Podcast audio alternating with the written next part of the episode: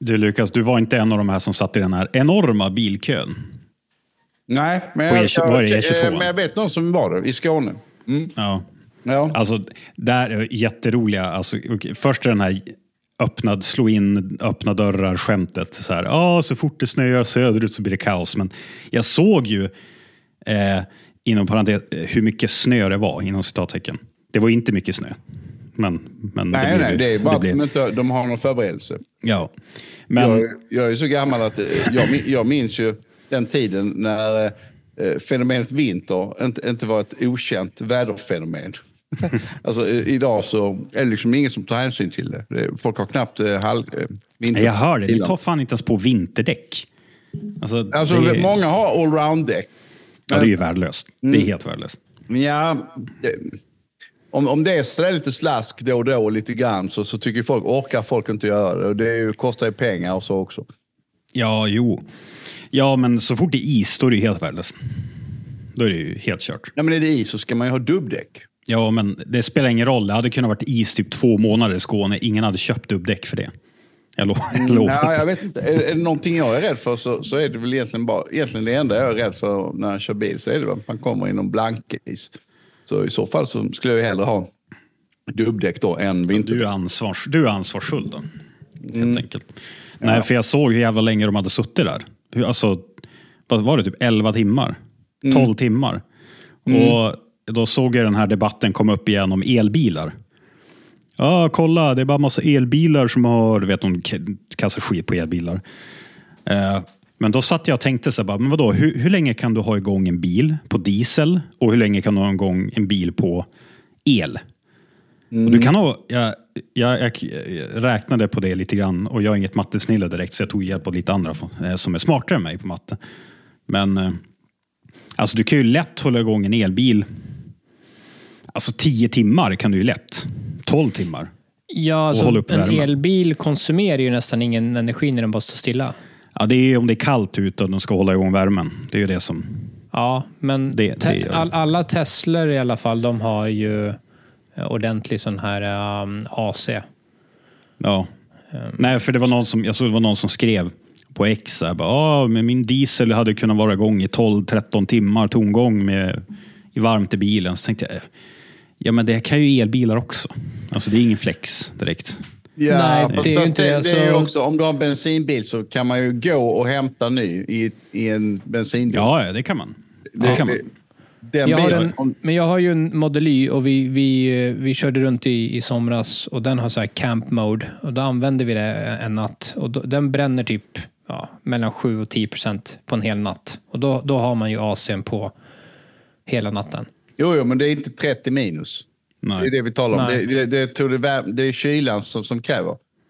Alltså, bilmotorn är ju alltid varm när den, när, man, när den har gått en stund. Så där, där får man ju på spillvärmen får man ju värmefläkten in. Jo. Men eh, det, en elbil är, är ju sämre på det viset. Men eh, ja, jag, vet inte hur mycket det krävs. Det är ju en ganska liten volym att värma upp. Ja, alltså för, för på många lät det som att ja shit, så hade du en elbil där då skulle du vara körd med ett par timmar. Ja, alltså visst åker du ut med typ 10% laddning. Ja, det är i och för sig korkat mitt i vintern. Men jag, jag vet inte. Jag är, jag, är, jag, är väl, jag är väl lite bias också. Jag har ju själv skaffat en sån där jävla elbil. Men alltså, jag bor ju här uppe i norr där det är 25-30 min. Nu är det 32 minus här hos mig just nu. Den har funkat jättebra. Det har inte varit någon strul alls med kylan. Det är bara Men det är har väl kort- det att om, om du har den som, pen, bara som pendling. Liksom. Ja, alltså jag skulle absolut inte rekommendera att köra en, lång, en långdistanssträcka, typ så här 30-40 mil. I 35 Alltså, jag har ju minus, kört det hade jag från- inte gjort. Kört från Oslo till Stockholm ett par gånger fram och tillbaka med först en Model 3 och, och en Model Y. Eh, och det går ju helt, går, går helt fint. Man måste bara stanna en gång för att eh, ladda. Ja. Och det finns ju massa sådana här superchargers eh, överallt. Så det, det, det är ju inte ett reellt problem. Man måste ju ändå stanna, i en- alltså när man kör 50-60 mil, du kommer ju stanna någonstans för att käka och skita och så vidare. Så då kan du bara planera resan, resan lite, lite grann och så laddar du där du ska käka. Ja. Ja, jag, jag har ju själv in, ingen elbil, men eh, jag, jag känner ju också den här, eh, alla de här ryggmärgsinvändningarna som, som alla som ni Det hade, det, det, jag har det fortfarande. Jag hade det också, eller har det fortfarande också. Men, Ja, men jag blir också så här autistiskt emot någonting när byråkrater eh, i, i, i riksdagen, liksom, eller politiker generellt, bestämmer åt oss va, va, liksom vilken teknologi vi ska använda. Det, det borde ju vara liksom den bästa lösningen. Och det, det är därför jag eh, är fan av Tesla, för att de, alltså Elon Musk bevisade att, att en, en elbil kan göras minst lika bra som en, en vanlig traditionell bil. Alltså det var, det var inte att jag var astaggad på en elbil, utan det var bara rent ekonomiska skäl. Jag gjorde det. Skaffa en elbil. Det var, jag skulle plocka ut en ny leasingbil och då var det som...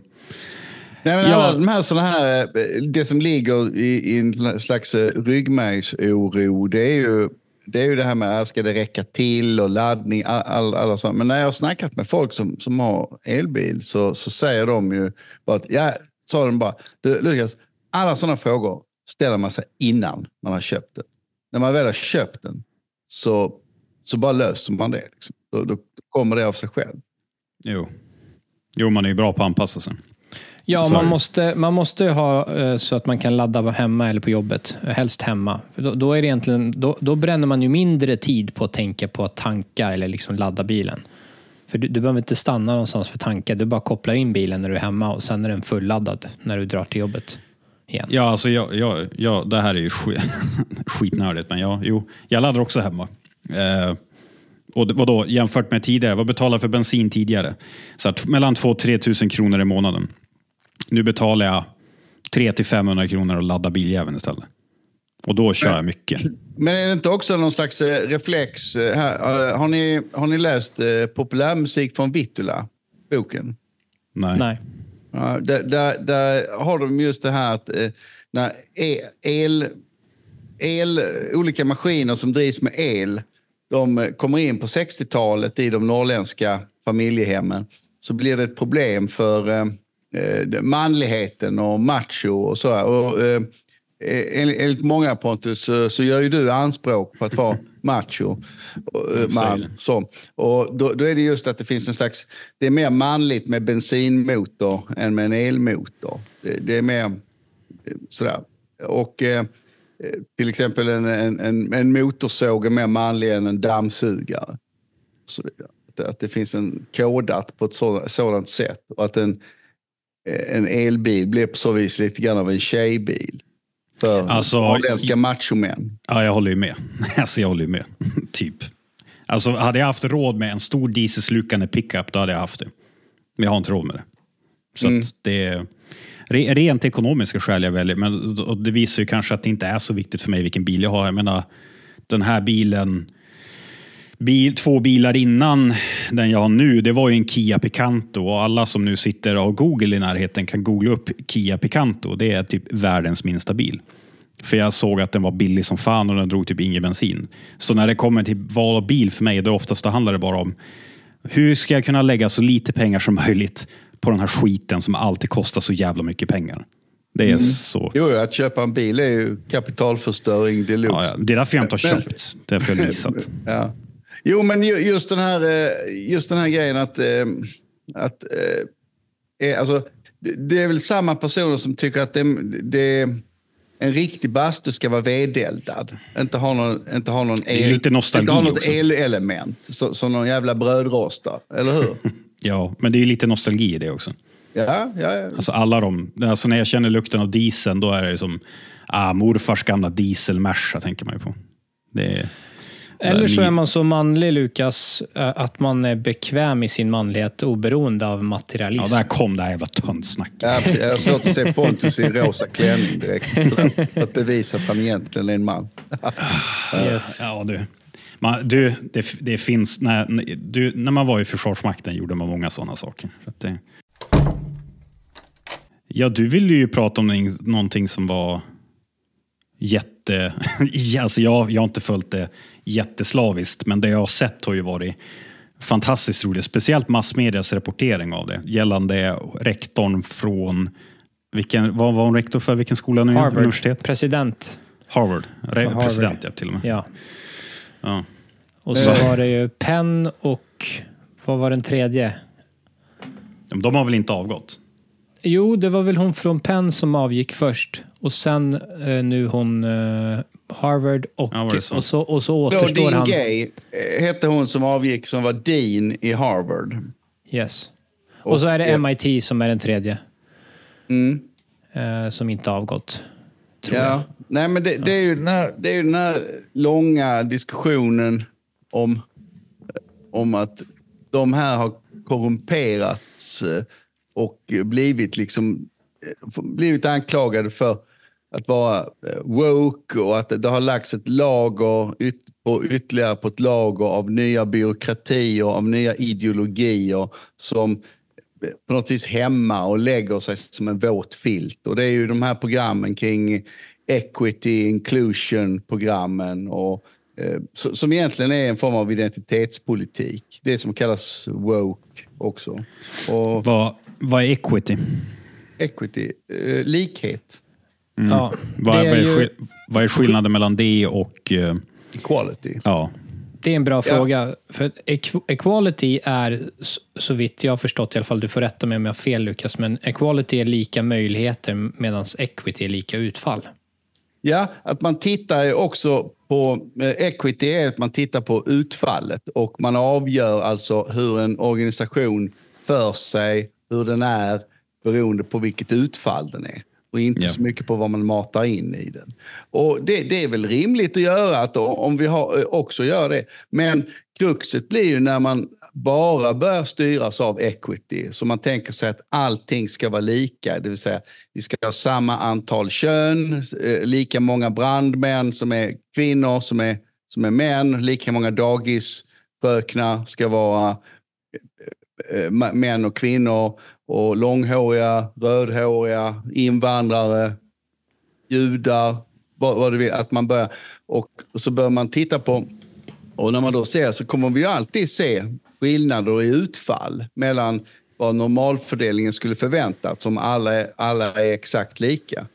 Men kruxet, kruxet är ju att, att det är inte bara det. Är inte bara det. Och så är det så, när det då sker någonting, när det då sker en, en, en anomali, en, diskrepe, en diskrepans me- mellan vad som skulle vara den statistiska normalfördelningen och inte, så har, man ju då kommit, har det ju kommit att bli så de senaste 10-15 åren att då talar man om att det här är en form av rasism och strukturell rasism, glastaket och så, och så på många sätt. Och det, det, det, kan, det kan ju även finnas någonting som ligger i det här att att det finns ett, man brukar tala om på, på 90-talet om ett glastaket för, för kvinnor. Att de har en tendens att kunna klättra uppåt i hierarkin och det finns inget objektiv som talar emot det. Med, med, mot att, att för en kvinna att bli chef. Men eh, det visar sig att de blir ändå inte det. Och då kallar man det glastaket. Därför att eh, man talar om alltså, beteenden, man sitter och snackar i bastun. Man försöker förklara det på sånt sätt med, med olika strukturella orättvisor. Och även om det alltid kan finnas, kan finnas sådana så har det ju blivit också en, att det har blivit en be all end all explanation. Att det, allting som skiljer sig eh, kan förklaras med detta. Patriarkat eller strukturell rasism. Och, och, och så är det ju inte. Det ju Nej, enkelt- problemet är ju att de använder utfall eh, som ett bevis på strukturell diskriminering. Eh, och då, då kan man ju göra det åt alla håll. Eh, så jag skulle kunna påstå att, att eh, det faktum att eh, vadå, 90 procent av, av de fängslade i Sverige är män, det är ett bevis på någon slags strukturell diskriminering mot män. Mm. Men så är det ju inte. Det, det är ju för att män är my, eh, mycket mer våldsbenägna. Men ska vi, ska vi börja från början det där med Claudine Gay? Alltså jag kan ju spela upp så att lyssnarna får lite, för de som inte har, har sett själva eh, den här congressional hearing. And Dr. Gay, at Harvard, does calling for the genocide of Jews violate Harvard's rules of bullying and harassment? Yes or no? It can be, depending on the context. What's the context? Targeted as an individual, targeted as, at an individual. It's targeted at. Jewish students, Jewish individuals. Do you understand your testimony is dehumanizing them? Do you understand that dehumanization is part of anti Semitism? I will ask you one more time. Does calling for the genocide of Jews violate Harvard's rules of bullying and harassment? Yes or no? Anti-Semitic rhetoric. When it And is it anti Semitic rhetoric? Anti-Semitic rhetoric, when it crosses into conduct that amounts to bullying, harassment, intimidation, that is actionable conduct, and we do take action. So the answer is yes, that calling for the genocide of Jews violates Harvard Code of Conduct, correct? Again, it depends on the context. It does not depend on the context. The answer is yes, and this is why you should resign. These are unacceptable answers across the board. Min tes, det var ju lite grann att, att det var inte detta här, eller plagiarism, som var, så, eh, som var så centralt för varför de fick avgå. Eh, delvis var det det här, men det här var väl också droppen. Jag ser ju snarast det här som att det har byggts upp under längre tid en, en kritik mot eh, de här mot de här equity inclusion-programmen och mycket ska heta task force against racism och sådär. De, det, är den, det är det som har... Ja, det är det som har... Det, det, har, det har kommit under en längre tid. Och eh, det här var egentligen bara en anledning för dem. Samma sak med eh, hon den här då, eh, som, som är eh, en slags chef och utbildningsledare, Dean som det heter på, på engelska för Harvard, eh, Claudine Gay. Hon, hon har ju varit en, fått kritik tidigare och det här att man nu fick henne att avgå på grund av att hon har plagierat saker och ting. Det, det, det har man ju lite grann bortsett från innan. Men nu så har man kunnat lyfta fram det. Så man har använt plagiatanklagelserna för att sparka någon, en person som är helt enkelt oduglig. Men hon har ju inte ens fått sparken. Hon har inte ens fått, hon har inte Nej, ens fått av, sluta. hon avgick ju, men det är ju, det, hon var ju pressad att... att, att nej, av- nej, men alltså hon, hon, har, hon, nej, men hon har ju kvar en anställning på Harvard. Det var vad jag läste i alla fall. Hon har kvar på en, en, en eh, eh, institution. Jag kommer inte ihåg vilken. En utbildningsinstitution Alltså så här, du du, du, okej, nu, nu, har, nu har de ju ett annat system där med tenure som gör att man, man inte kan, men, men man kan ha en roll som man avsäger sig från. Så din yrkesbeskrivning, som, jag är ju själv statsanställd, men, eh, min, eh, men eh, och, och jag skulle kunna jobba som, som en chef. Men den chefen, jag kan avgå från chefsrollen därför att jag är oduglig. Ja. Är du, är du med? Men, men jag är Ja. fortfarande statsanställd. Jag får inte sparken och bli arbetslös. Så Nej. det är säkert så att hon lyfter lön. Men i Ja, ja, praktiken det var- så har hon det var- förlorat. Det var ungefär lika mycket som hon hade som eh, tjänsten innan. Ja, ja, ja. Ja men det, här, det här handlar ju inte om pengar. Det här det är politik. Men det som irriterar mig också med klippet är att hon som förhör de här eh, Deans eller vad de är, presidenter och så vidare. De, hon svarar ju för dem en och en och bara, ja men svaret är ja. När de explicit säger nej. De säger att det, det, det beror på kontext och sammanhang och så vidare. Så egentligen är svaret nej. Eh, alltså- Nej, det är det ju inte. Du Jo, alltså är hetsandet ja. i sig. Hon, hon frågar gång på gång så här, hetsandet i sig, bara språket, eh, uttalandet. Utgör det hets eller är det liksom ett, ett eh, bryter det mot, eh, mot deras codes of conduct och så vidare? Jo, men vem, Och så vem säger de- avgör det? Det, det, det som, vad de, de har ju bundit ris åt egen rygg här nu. eh, De här, eh, den här eh, woke-ideologin som, som finns på de amerikanska elituniversiteten genom att säga att om man bara upplever någonting som smärtsamt eller rasistiskt eller nedlåtande så är det så. Och då blir det ju problem när, när det står, eh, när folk uttrycker sig antisemitiskt. Så, så, så eh, eller de upplever då, judiska studenter upplever det. Då, då så har de ju problem att säga nej, så kan du inte tänka. För, för i så fall så faller ju allting. Ja. Jo. Är du med, eh, Elias? Ja, absolut. Men vad är det, vadå, så du menar att det var här var, som, var droppen som fick bägaren att rinna över? Vad är det? Nej, det tror var ju det inte det. Det behövdes ju också plagiatet. Det var ju det som man tog upp. För det här, det här klippet som jag spelade upp, det, det är från 6 december. Det, det hände liksom för en månad sedan. Eh, Och det var hon, hon eh, i, i Penn, hon avgick eh, med en gång, typ några dagar efter. Men de andra två satt kvar och de, de, det var först när när republikanerna i USA, tror jag, som, som liksom de uppdagade den här kontroversen om plagiatet. Ja, alltså det är någon som har suttit på det där, den här uppgiften och bara väntat på att släppa Nej, nej, det, hon har fått kritik för det innan. Och det är också att, man, att om man har en viss stil när man skriver. Hon har ju då, eh, eh, eh, Claudine eh, Gay har ju då skrivit, eh, föga förvånande, nästan alla papers och artiklar, akademiska artiklar hon har skrivit om, de handlar bara om sån här systemic racism. så. Chocken. Alla bara om det. Och en del i den här postmoderna sättet att skriva, det är att man använder sig av väldigt mycket citat.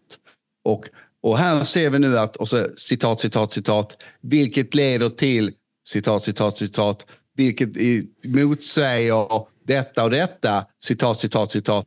Så att man liksom, det är helt enkelt man arrangerar orden. Det, det är ett sätt att dekonstruera en text. Skönt sätt att skriva en uppsats på. Så hade jag också velat skriva en uppsats på. Bara Ja, Men, citat. men liksom. varför utgör det plagiat, Lukas? Man måste väl kunna ja, alltså citera? det finns ju regler för plagi- Det finns ju regler för... Det är ganska, ganska enkla regler faktiskt. Ja, fast om, om, du, om du vill analysera just en text, om du ska tala om litteraturvetenskap och, och så, och analysera en text litterärt så måste du ju på något vis hela tiden resonera kring texten och kring ordens valör och kring, kring vad, vad innebörden är, vad författaren kan tänkas mena, vad författaren kan tänkas vilja att jag ska tolka någonting som och så vidare. Så ger man sig in i någon jävla spegellabyrint. Så, det, det är sånt som litteraturvetare sysslar med. En del av dem, inte alla ska, ska det sägas. Men, men, men, men, men mycket. Och, och, så, så att det här med citattek, te, citattekniken är nog inget som egentligen är specifikt för henne. Utan de använder sig av det för att få bort henne. Därför att, eh, därför att hon är oduglig på andra sätt. Hon har ju utmanövrerat många andra väldigt skickliga forskare, bland annat Roland Frays. Eh, eh, vänta, Fryer heter han. Roland Fryer heter han. Som eh, var lärjunge till eh, Glenn Lowry och eh, till den här eh, Lewitt som har skrivit en bok som många ekonomer känner till som heter vad heter, den heter Freakonomics. Och eh, där, där han visar på att eh, föreställningar som finns bland eh, det, i, i, i, för, om rasism inte stämmer. Till exempel så visade han att det är inte så att eh, vita poliser skjuter svarta och sådär. Och, alltså det här är en, en forskare, en, en ekonom, sociologi, sociolog som, som själv råkar vara svart som, som har visat att det här, att det, det här vi kallar systemic racism, det, det, det fungerar inte på det sättet som, som många hävdar att det gör. Och eh, hon, eh, då, eh, Claudine Gay, utmanövrerade honom från Harvard. Men gjorde Men det- hon det genom kompetens eller gjorde hon det genom hudfärg och... eh, Ja, det offer? går inte eftersom han själv är svart. Så hon kan Ja, inte göra det jämt. Men hon är ju Men kvinna jo, också. Ja, men, Och sen, nej, sen, men, eh, sen den svart, ens, ens svarta hudfärg hjälper ju eventuellt om du är på rätt sida av politiken. Alltså det hjälper ju inte Thomas Sowell att han är svart.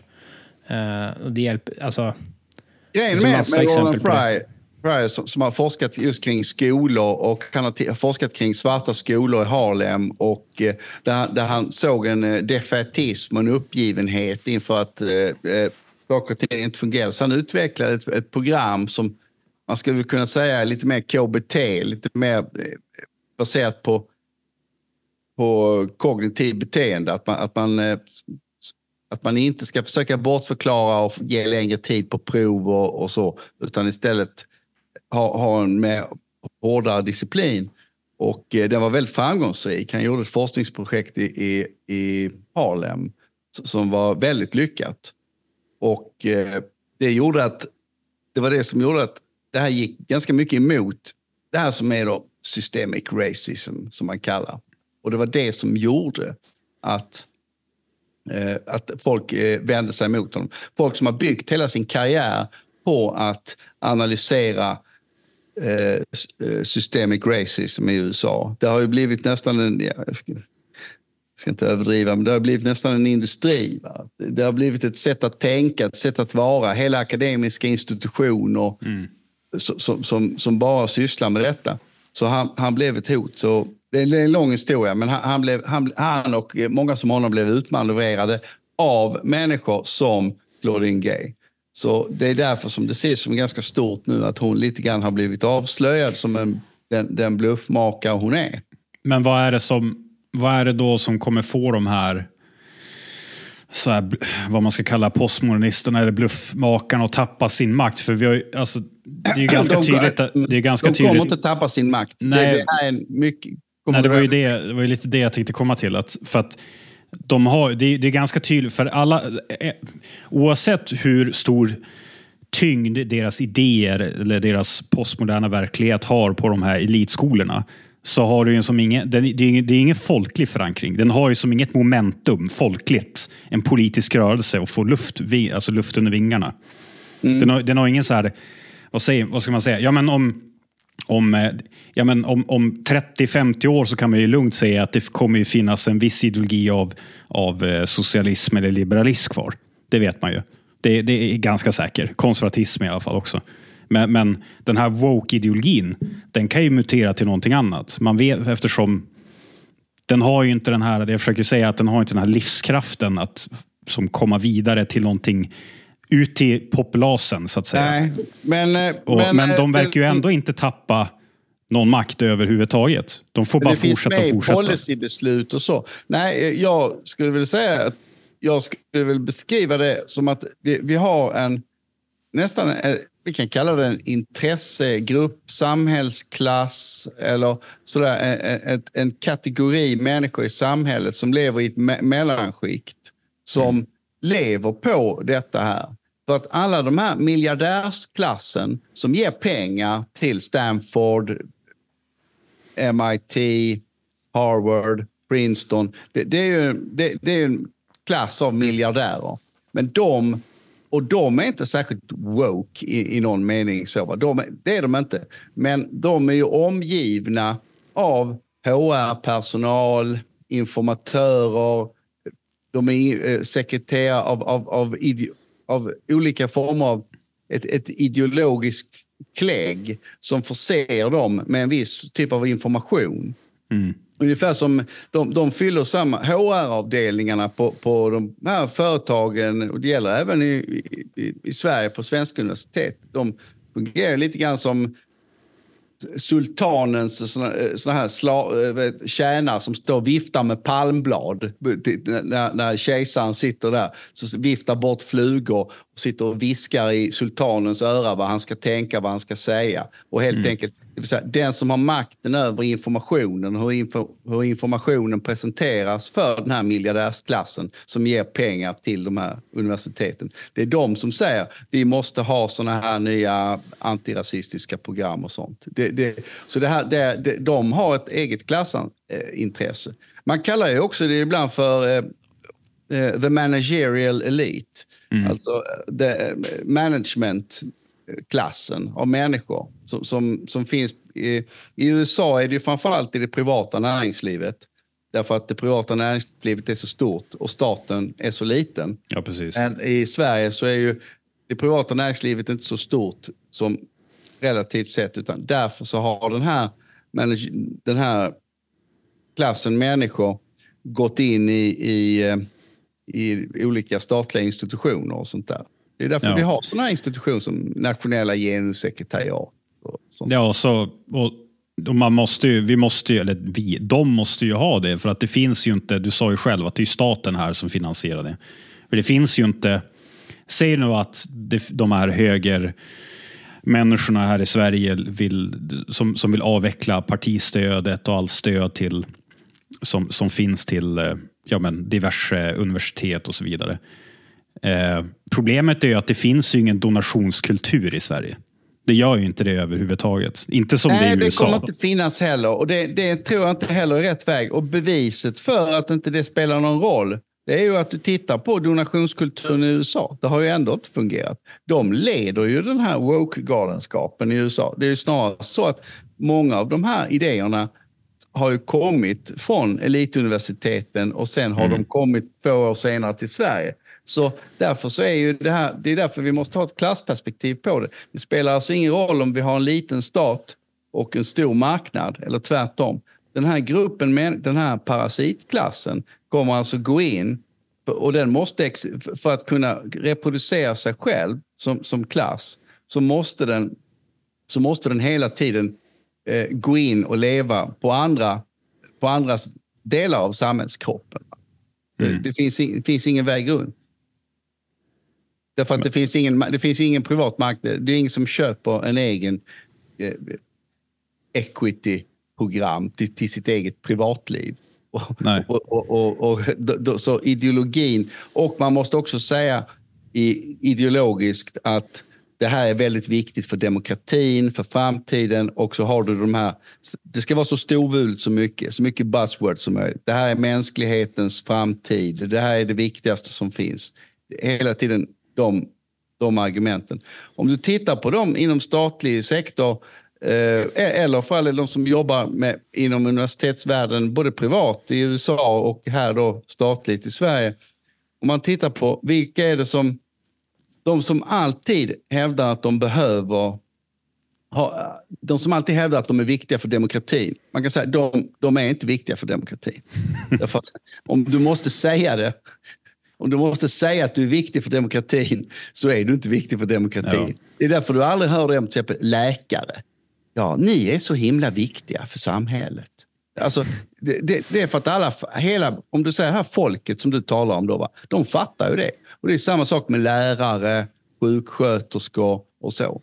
Men de, det är därför till exempel teatermänniskor måste hävda att teater är oerhört viktigt för samhällets fortbestånd. Det är därför oh, de måste säga det. Just oh. därför att de inte är det. Börja inte med... Alltså gud. Du, nej, men det är så, det, ja, men ja, det, det är, nej, jag, jag, jag, tänkte bara ta ett kort exempel på vad de drar till med nu här i norr. Eh, med kultur. Argumentet för att deras kultur, Norrlandsoperan i Umeå, ska fortsätta existera.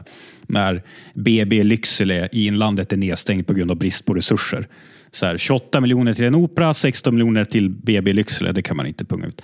Eh, anledningen det är för att vi lever i en polariserande tid och vi har krig i vår närhet. Och då behöver man kultur. För om inte Västerbotten finansierar kultur, ja, hur ska vi då klara oss i kriget mot Ukraina? Eh, kriget mellan Ryssland och Ukraina? Det går ju inte. Så, du, du förstår ju liksom vilken... Det, och det, det, de, de blir bara mer, de blir bara mer vad ska man säga, våghalsiga i sina argument också varför den här klassen av människor ska fortsätta få stjäla pengar av den produktiva klassen. Men det är ju för att de, är, de måste. Det, det är jag, jag, jag, vet inte. De, de, måste ju, de måste ju hävda de här stora argumenten. De kommer ju säga... Det finns ingen gräns. Okej, okay, vi behöver Norrlandsoperan därför att det är krig i Ukraina.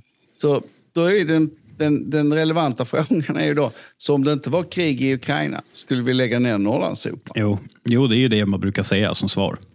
Men, mm. men då är det ju som att, nej, alltså folk behöver ju alltid kultur. Ja, det... men jag, alltså jag har ju inget emot att vi har kultur. Att stå, där skiljer jag mig från, kanske från dig och från, absolut från Elias. Jag tycker att vi ska ha en statlig kulturkanon. Jag, jag tycker att vi ska ha... Det tycker jag också. Men jag tycker inte statlig kultur är ju inte kultur, det är propaganda. Vi ska inte ha, du vet... Inte opera? Nej, jo, det ska, det, nej. om det är statligt finansierat eh, och skapat av statligt anställda så är det propaganda. Alltså så det, länge, så länge vi inte expanderat ordet propaganda till, Det, till det är precis det Leni Riefenstahl gjorde för det, det tredje riket, i kultur. Oh, hur, länge, hur, lång, hur länge hann vi snacka innan någon blev kallad ja, nazister? Det är, ja, det är fullständigt absurt. nej, nej. nej, men det, Goebbels sa också på den tiden, att det här är kultur. Statens, staten ska skapa kultur. Självfallet. Ja, han, hade, han hade ju rätt. ja, men det, precis, det, du, du tror, det är liksom det som är grejen. Att, det, här, det här avsnittet ska heta Goebbels hade rätt. nej, men jag, jag, jag, jag, förstår, nej, jag, jag, jag förstår inte det här att man ska... Ja, Hitler byggde motorvägar. Ja, Nej, fel, alltså, det fel allt? Allt Hitler ja. gjorde är ju inte per definition fel. Nej, men du, du, har ju fel, du har ju fel i det. Alltså att om du har en... Om, kultur har i alla tider haft en mecenat. Alltid. kulturen kan aldrig leva i en egen marknad. Det går Nu inte. kör du sån härskarteknik när du använder ord som ingen kan. Mecenat betyder bara att man, någon som ger en pengar, helt enkelt. En, Okej. en, en, en Men, mecenat, jag känner igen det från studenttiden. Ja, det, Mm. det, det, det, har- det har alltid haft det.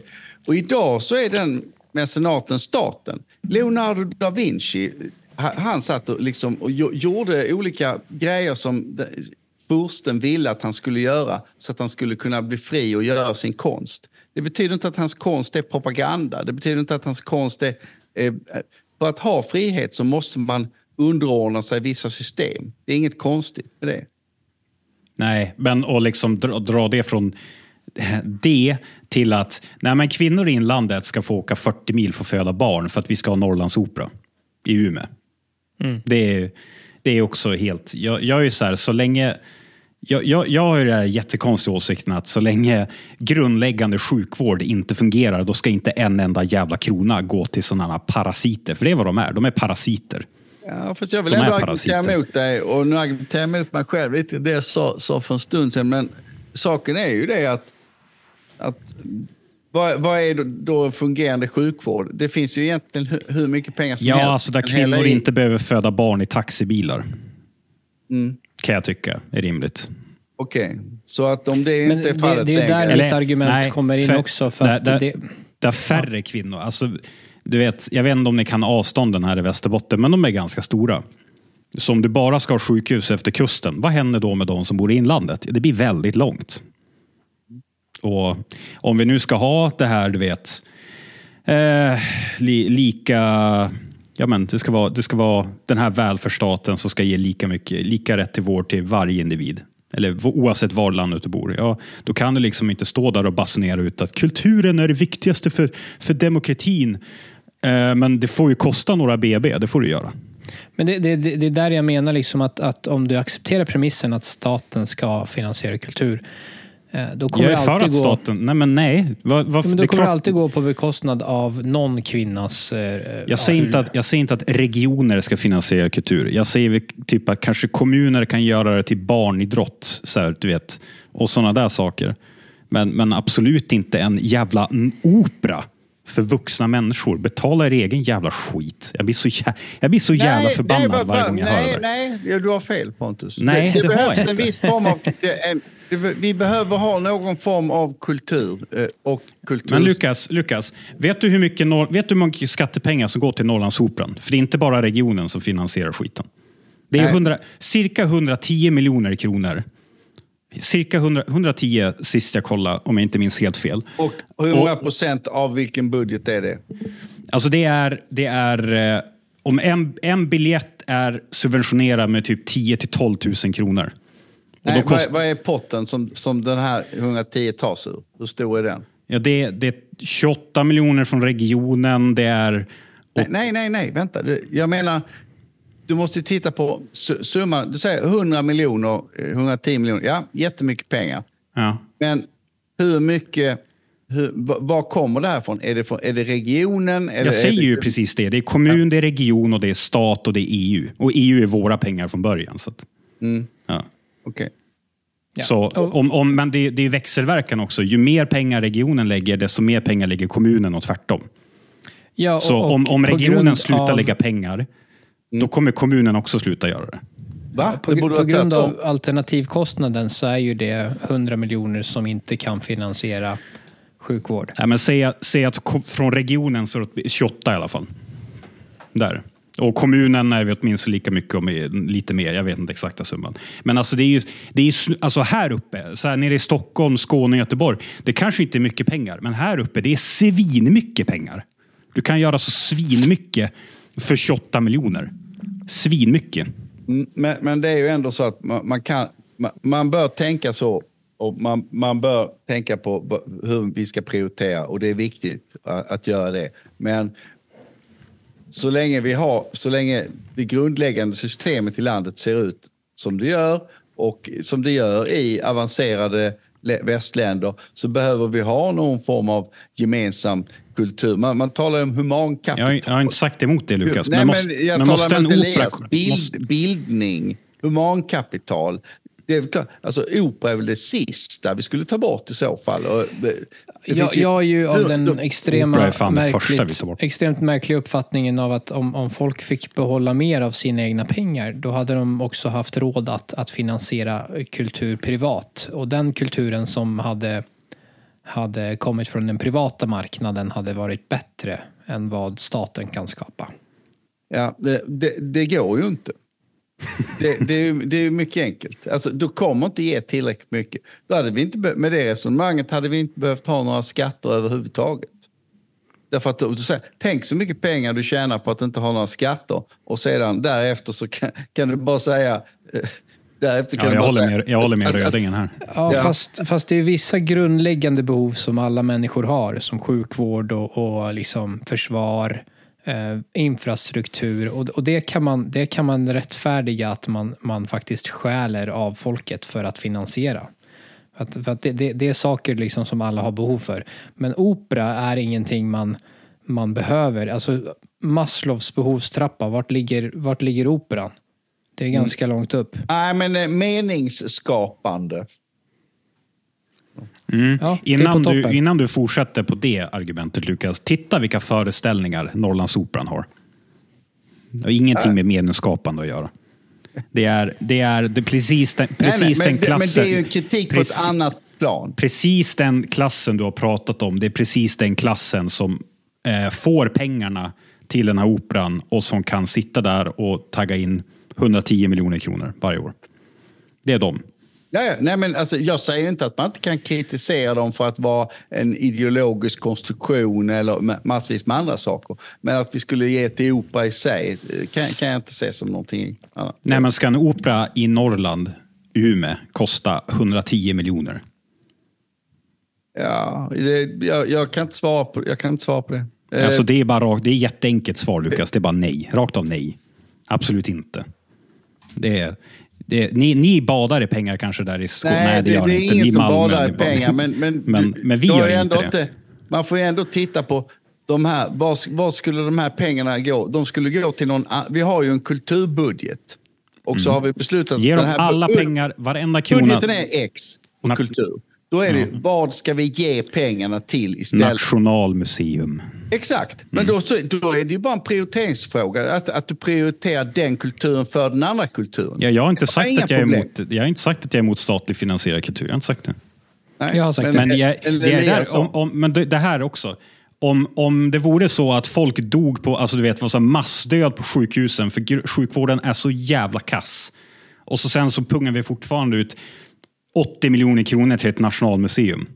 Nej, men Ja. jag håller med om att det är nonsens det här med att eh, de här argumenten med att eh, det är krig i Ukraina, därför behövs Norrlandsoperan. Det, det håller jag med om. Det, det, det är löjligt. Det är skrattretande. Ja, och, alltså och det- det... var ju också det jag sa, att, att om, om du måste använda den typen av argument det är lite grann tomma tunnor skramlar mest, som man säger. Och man måste ta till sådana här brösttoner att eh, vi är viktiga för demokratin, för, för, för, för, människans fortlevnad. Om man måste använda det så, så, så märks det liksom att, att man, inte, man inte har så mycket konkret att komma med. Nej. Det, alltså det, det är lite grann, om du alltid måste berätta hur, duktig, hur, hur viktig du är så är du inte så viktig.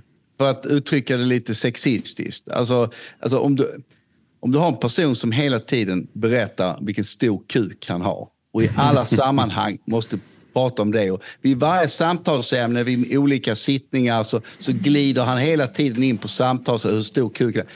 Då vet vi alla att chansen är rätt stor att Ja, det är ju den där klassiska scenen från Game of Thrones när Tywin Lannister ska sätta hans, eh, hans dotters son som precis blivit kung på plats. Och han säger ja, det är jag som är kung. Och han bara, eh, varje kung som måste säga att han är kung är ingen äkta kung. Ja, ex, ja Det är precis det. det är en bra liknelse. Mm. Eller alla som har elbilar också, liten snopp. Exakt. Det har vi men, men jag tror egentligen Pontus att du håller, håller lite mer med mig än Lukas här. För att du, du håller med principiellt om att det är fel att prioritera opera eh, över liksom, fundamental sjukvård. Eh, mitt, mitt argument är att så, så, länge, på grund av alternativkostnaden, så, kommer, så länge liksom staten finansierar kultur och det finns någon eh, fattig i landet så, så, går ju det på direkt bekostnad av den fattiga personen som eh, annars skulle ja. kunna få välfärd eller sjukvård och så vidare. Alltså fattigdom kommer att existera oavsett. Liksom. Så det, det tycker nej, jag, nej, det har man, alltså, absolut fattigdom har man eliminerat i Skandinavien. Det finns ingen absolut fattigdom. Det är relativ ja, ja, fattigdom jo. som finns. Jo. Nej, men jag, jag, ja, nej jag, jag, jag, jag tycker bara, jag är inte emot finansiering av kultur som statligt håll eller kommunalt håll. Regionen tycker jag absolut inte ska hålla på med ja, Men, men, men jag, jag är bara... Det, för att ta en sammanhållning, för att, ja, precis, för att reproducera en sammanhållning i ett samhälle så behövs det även andra, andra saker. Man brukar säga att den svenska välfärdsstaten tror det är den statsvetaren Lars Trägård som har talat om det. Att den svenska välfärdsstaten under sin höjdpunkt mitten, mitten, mitten och sista halvan av 1900-talet, den, den vilade på tre ideologiska pelare. Det är skolan, värnplikten och public service. De är tillsammans reproducerade. Idag har alla tre pelarna fallit. Ja, har värnplikten fallit? Ja, i princip. Det är ju en skugga av vad det var. Ja, det är det ju. Det, ja, men jag kan hålla med dig om att i dagens... man. Och, och sen Eh, och sen eh, eh, public service är också en skugga av sitt forna jag. Alltså förr växte man ju upp. Det är större än någonsin två... Lukas. Alltså budgeten är på 10 miljarder per år. Man hade bara två tv-kanaler för Elias. Du satte, det, var, det var liksom hela svenska folkets brasa man satt framför. Alla såg ja, samma så barnprogram, alla såg samma fredagsunderhållning. Folkhemmet. Man tittade på Rassel. Så, så det, det, det, var, det var någonting som var så, så, på ett sätt. Och det skapade också en gemensamhet. Det, det, ja, igen tillbaka till, till Hitler och nazismen så var ju de, det, det, var ju de som började propagera genom eh, radiomaskinen. Utan radion så hade Hitler aldrig tagit makten i Tyskland. Ja. Och det första de gjorde när de ockuperade Norge, det var att beslagta alla radior. Mm.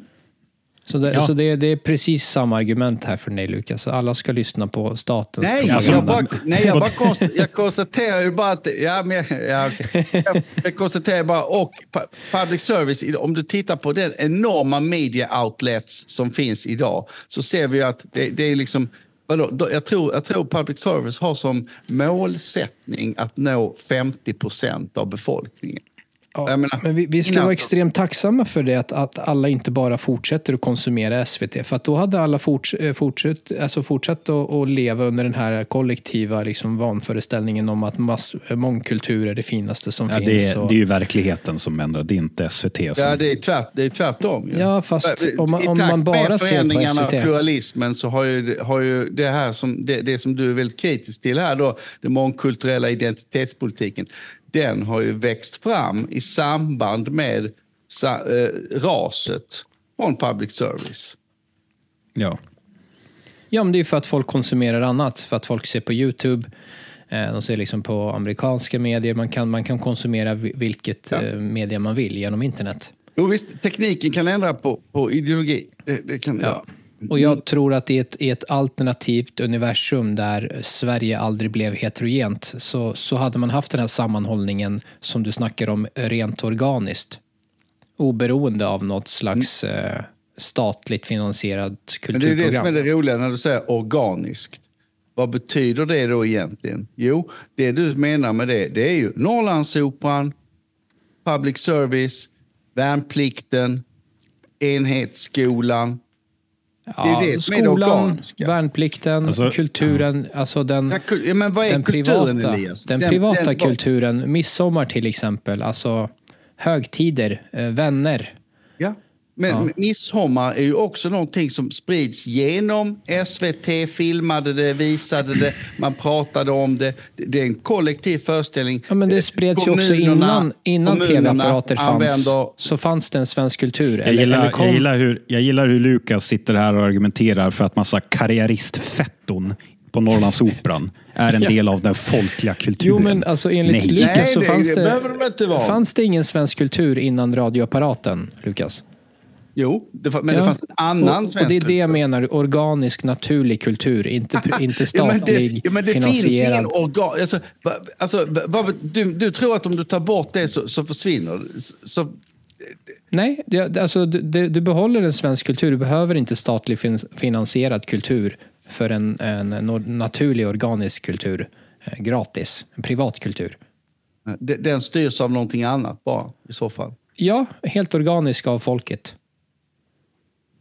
Nej, det, det, det, det är inte så.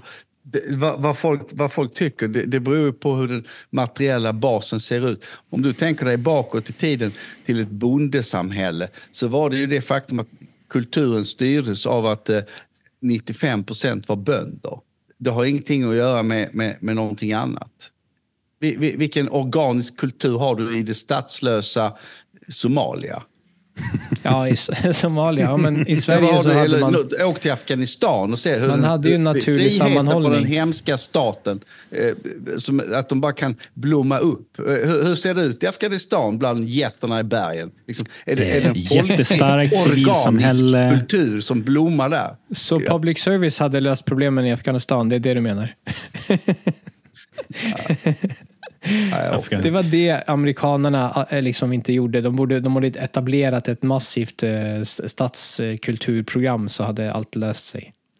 Men de har en enorm kultur som sitter i det. En enorm starkt amerikansk nationalism i sig. Den är ju enormt eh, flaggviftande. Det, det, det, det, det Så är var- absolut varför- så att, så då- att den... Så då för att bara åt, återgå till det vi pratade om ursprungligen. Så varför, trots den här starka patriotismen, nationalismen i USA, så har ändå woke-ideologin fått fäste bland eliten? Va- varför det? Ja, Ja, det, är ju, det är ju för att, att, att eh, klasskampen funkade inte eftersom det gick bra för arbetarklassen. Kapitalismen förstörde eh, Marx teori och då, och då manifesterar den sig, eller den, den, eh, den, eh, den ändrade sig efter tiden att, att fokusera på andra offer. Nej. Nej. Allt, allt är fel. Nej men berätta, vad, vad är fel? Jag har ju precis suttit här och förklarat att olika samhällsklasser formerar sig genom historien och, och intar. Man kan se, du kan se det som att varje generation så läggs det på ett, ett nytt lag av memes, av berättelser, tankar. Vi kan kalla det ideologier.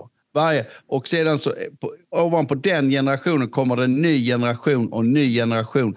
Och den grundläggande, det som grundläggande som behövs, det glöms bort. Så att allt man ser är bara lagren av glasyr som ligger utanpå. Det är det vi kallar ja. ideologi. Till slut så har själva pepparkakan under glasyren försvunnit. Och det är det som har hänt på Harvard, Princeton och Stanford och de här ställena. Att det, det är bara, man har bara trott att vi, håller vi bara på att arbeta mot sånt här eh, structural racism, sådana saker. Därför att vi har inga andra problem. Så ser man inte det.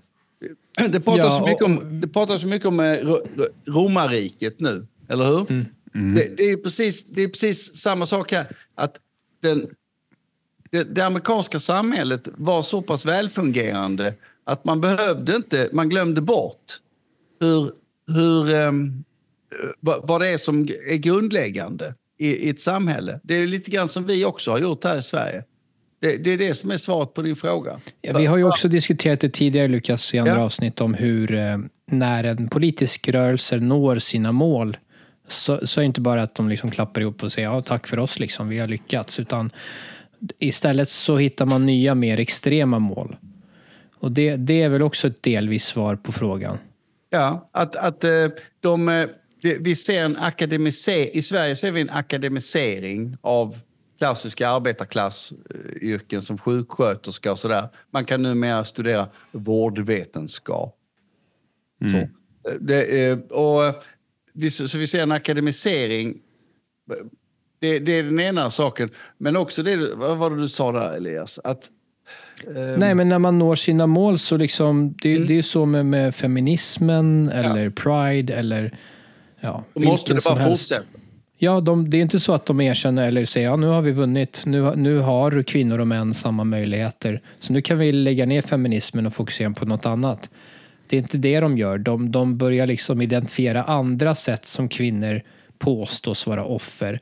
Och om en vit kvinna numera inte är ett offer, men, men hur gör vi då med en svart kvinna och, och en svart lesbisk Nej, kvinna? Det håller jag med. Så är det med alla organisationer, att de, eh, de vill till varje pris överleva. Mm. Det eh, Försvarets Ja, radioanstalt vi- Det var ju- precis det som hände med, liksom, med kända feminister, att de fick kritik av svarta feminister för att de hade liksom de hade, de hade svikit dem. De hade liksom bara, bara eh, ja, fixat sina egna rättigheter och skitit i, i, i, i eh, mer förtryckta kvinnor. skillnaden Kanske, där. kanske kvinnor med penisar, eller hur? De Nej, är men, jätteförtryckta. jo, men skill- skillnaden mellan det och eh, samhällsklasser, det, det är ju att när vi talar om arbetarklass, medelklass och, och, och vi kan göra upp, subuppdelningar i det, överklass, då är det ju en objektiv beskrivning på vilken funktion då, eh, den här gruppen har i samhället. Det, det är en objektiv beskrivning. Däremot det här att du, tyck, att du upplever att du är förtryckt. Så. Det är ju ingen objektiv. Nej. Så och det är också så att en arbetarklass, alltså en person som tillhör arbetarklassen idag kan ju eh, göra ett, en klass, eh, vad heter det, alltså de kan ju ta sig vidare till nästa nivå. Ehm, ta sig vidare till, till eh, mellanklassen, så se på Pontus, han har elbil och grejer. Ja, gud, jag tänkte ju säga det. Jag har blivit det jag hatar. Nej, men, Ska, eh, ja. Ja, och, och för att det är också så här att eh, en anledning till att medelklassen är, är så pass eh, stingslig och nervös och så, så rädd för att säga fel saker och så på fester, det är ju att eh, det är just det att den har blivit stor och osäker, den klassen. Medan arbetarklassen inte har det problemet. Och de har ju många gånger gått om eh, medelklassen rent materiellt ekonomiskt. En rörmokare idag med egen firma eller en elektriker, de, de tjänar ju betydligt mer pengar än en bibliotekarie. Ja, ja. Bibliotekarien anser sig fortfarande vara lite finare. Mm. mm. Och det gör de ju ofta genom att de lägger an på att de har smak. Det är så vi ska förstå, hipsterfenomenet. Att eh, det är ju, det är ju medelklassens barn, som, till, barn till bibliotekarier, som, och, som, som inte har det så fett. Och då, då måste de på något vis disting, göra, distansera sig från den relativt rika arbetarklassen som består av elektriker och och rör, rörläggare som, som kan tjäna rätt bra med pengar. Det är ju de som bor i en villa idag i, i Mexitegel utanför stan. Medan eh, de här, därför så skaffar sig hipster, vänster, liberal, miljöpartist, kruskätande, veganvänliga, alla de här. Därför så skaffar de sig just de här åsikterna för att distansera sig. Det är därför de tycker Mexit, rosa Mexitegel är fult på huset. Det är därför de tycker liksom, stora Ja. dieselbilar är fult.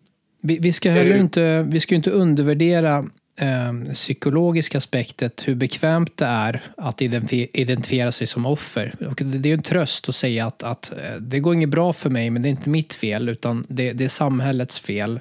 Eh, jag är förtryckt på grund av min identitet. Det är inte så att jag är lat. Eh, det är inte så att jag inte liksom, eh, jobbar tillräckligt hårt. Eh, Det, det är samhället som diskriminerar mig aktivt.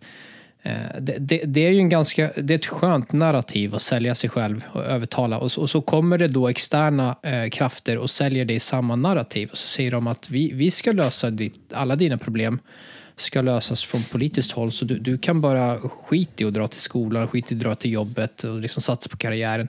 Du kan bara alltså, sov till klockan 11 varje dag och se på Netflix så, så, och rösta på oss så blir allting bra. Mm. Ja, det är offer... Jo, det, det är sant att det finns något, det här victimhood culture. Mm. Det, visst är det så. Och det är ju skönt. Det, det, är, också, det är också skönt. Det, det är någonting som jag ofta har hävdat med, med jag har sagt till folk som tror på astrologi och sådär. Det, det är också det är ganska skönt för då får Exakt. man en förklaring till varför man är som man är. Och kristaller, Man slipper- man Lukas. Glöm inte, glöm inte kristaller. Ja. Och religion. Det, det är ju, men, mm. Det är Ja. något sånt som jag brukar vara en sån party Och killer. det, det är precis det man måste förstå med religion, att om, om det nu går åt helvete för en viss religion så är det för att, att eh, dess anhängare har svikit och lämnat Gud. Eh, Så då måste man tillbaka till religionen, då måste, då måste man tillbaka till, till kyrkan eller moskén och, och eh, kanske donera pengar eller kanske utöva en jihadistisk kamp mot väst. Ja. Men alltså, bara, ja. Nej, Men jag tänkte bara, det, det med, alltså, bara en kort där med astrologi. Jag brukar ju själv säga, jag brukar ju jämföra eh, eh astrologi med rasism. Det tycker jag själv är rätt, rätt kul att göra. Därför att då, så, då hoppar de ju till. För de, de människorna som tror på astrologi vill ju absolut inte bli kallade för rasister. Och eh, säger man, ja men i båda fallen, både astrologi och rasism, så handlar det om att man delar in människor i, i förväg uppgjorda kategorier och sedan tillskriver dem vissa egenskaper. Ja. Det, det är vad de faktiskt gör. I, I astrologins fall så är det, bara, det när man är född på året, vilket är fullständigt absurt att det skulle ha, ha någon betydelse för hur, hur jag är som Stjärnornas konstellation när Ja. du föddes. och, och, och, eller, eller vilken hudfärg jag har. Liksom. Me- Melaninhalten i blodet skulle, skulle, skulle tillskriva mig vilka egenskaper jag har. I, så i båda fallen så handlar det om att de, att de vill kategorisera en. Så om någon kommer fram till mig på en fest och frågar mig vilket, eh, vilket eh, stjärntecken, sådär, hello, what's your sign? Då har jag alltid sett det som att det, det är inte en, ett intresse av att verkligen lära känna mig, utan det är ju bara ett intresse av att placera mig i en kategori som de själva Ja. redan upp. För att kunna, kunna applicera fördomar på dig helt enkelt. Ja. Mm. Men skillnaden är ju att man kan inte gå fr- man kan på en fest så går man inte fram till folk och frågar vilken hudfärg har du? Det, det Om man är blind så, så bara, är du vit? Nej, men var kommer du ifrån? Det. Ja, just, ja, det är ju rasism. Det, det vet du ju. Ja, det är faktiskt. Och sen, och sen när man svarar, ja, jag är från Sverige, men bara, nej, vart kommer du egentligen Eller vart kommer dina föräldrar jag- ifrån? Det är Jag, såg, jag, såg, eh, jag, såg, eh, jag såg att det var någon take på det där, att man skulle normalisera att fråga vita människor var de kommer ifrån. Så de just det. förstår hur kränkta de blir, hur kränkande det är. Ja. För det, Ja, det är alltid så kränkande när folk liksom visar ett intresse i, i, i att höra mer Men det är om någonting som du har varit inne på innan Elias, det här med att man måste ha, titta på intentionen när någon ställer en fråga till en. Mm. Så, så måste man ju se på vad intentionen är, om den är kränkande eller inte. Mm, exakt. Ja. Och det, det är alltså- inte alltid så lätt att avgöra, men alltså en, en, en sån fråga är ju som regel bara antingen för liksom att break the ice, då de har inget bättre att börja ett samtal med. Eller så för, för att de är genuint intresserade att höra mer om dig. Du verkar som en intressant person. Vart kommer du ifrån? Ja. Det, det är det är ju inget liksom, det är en komplimang egentligen.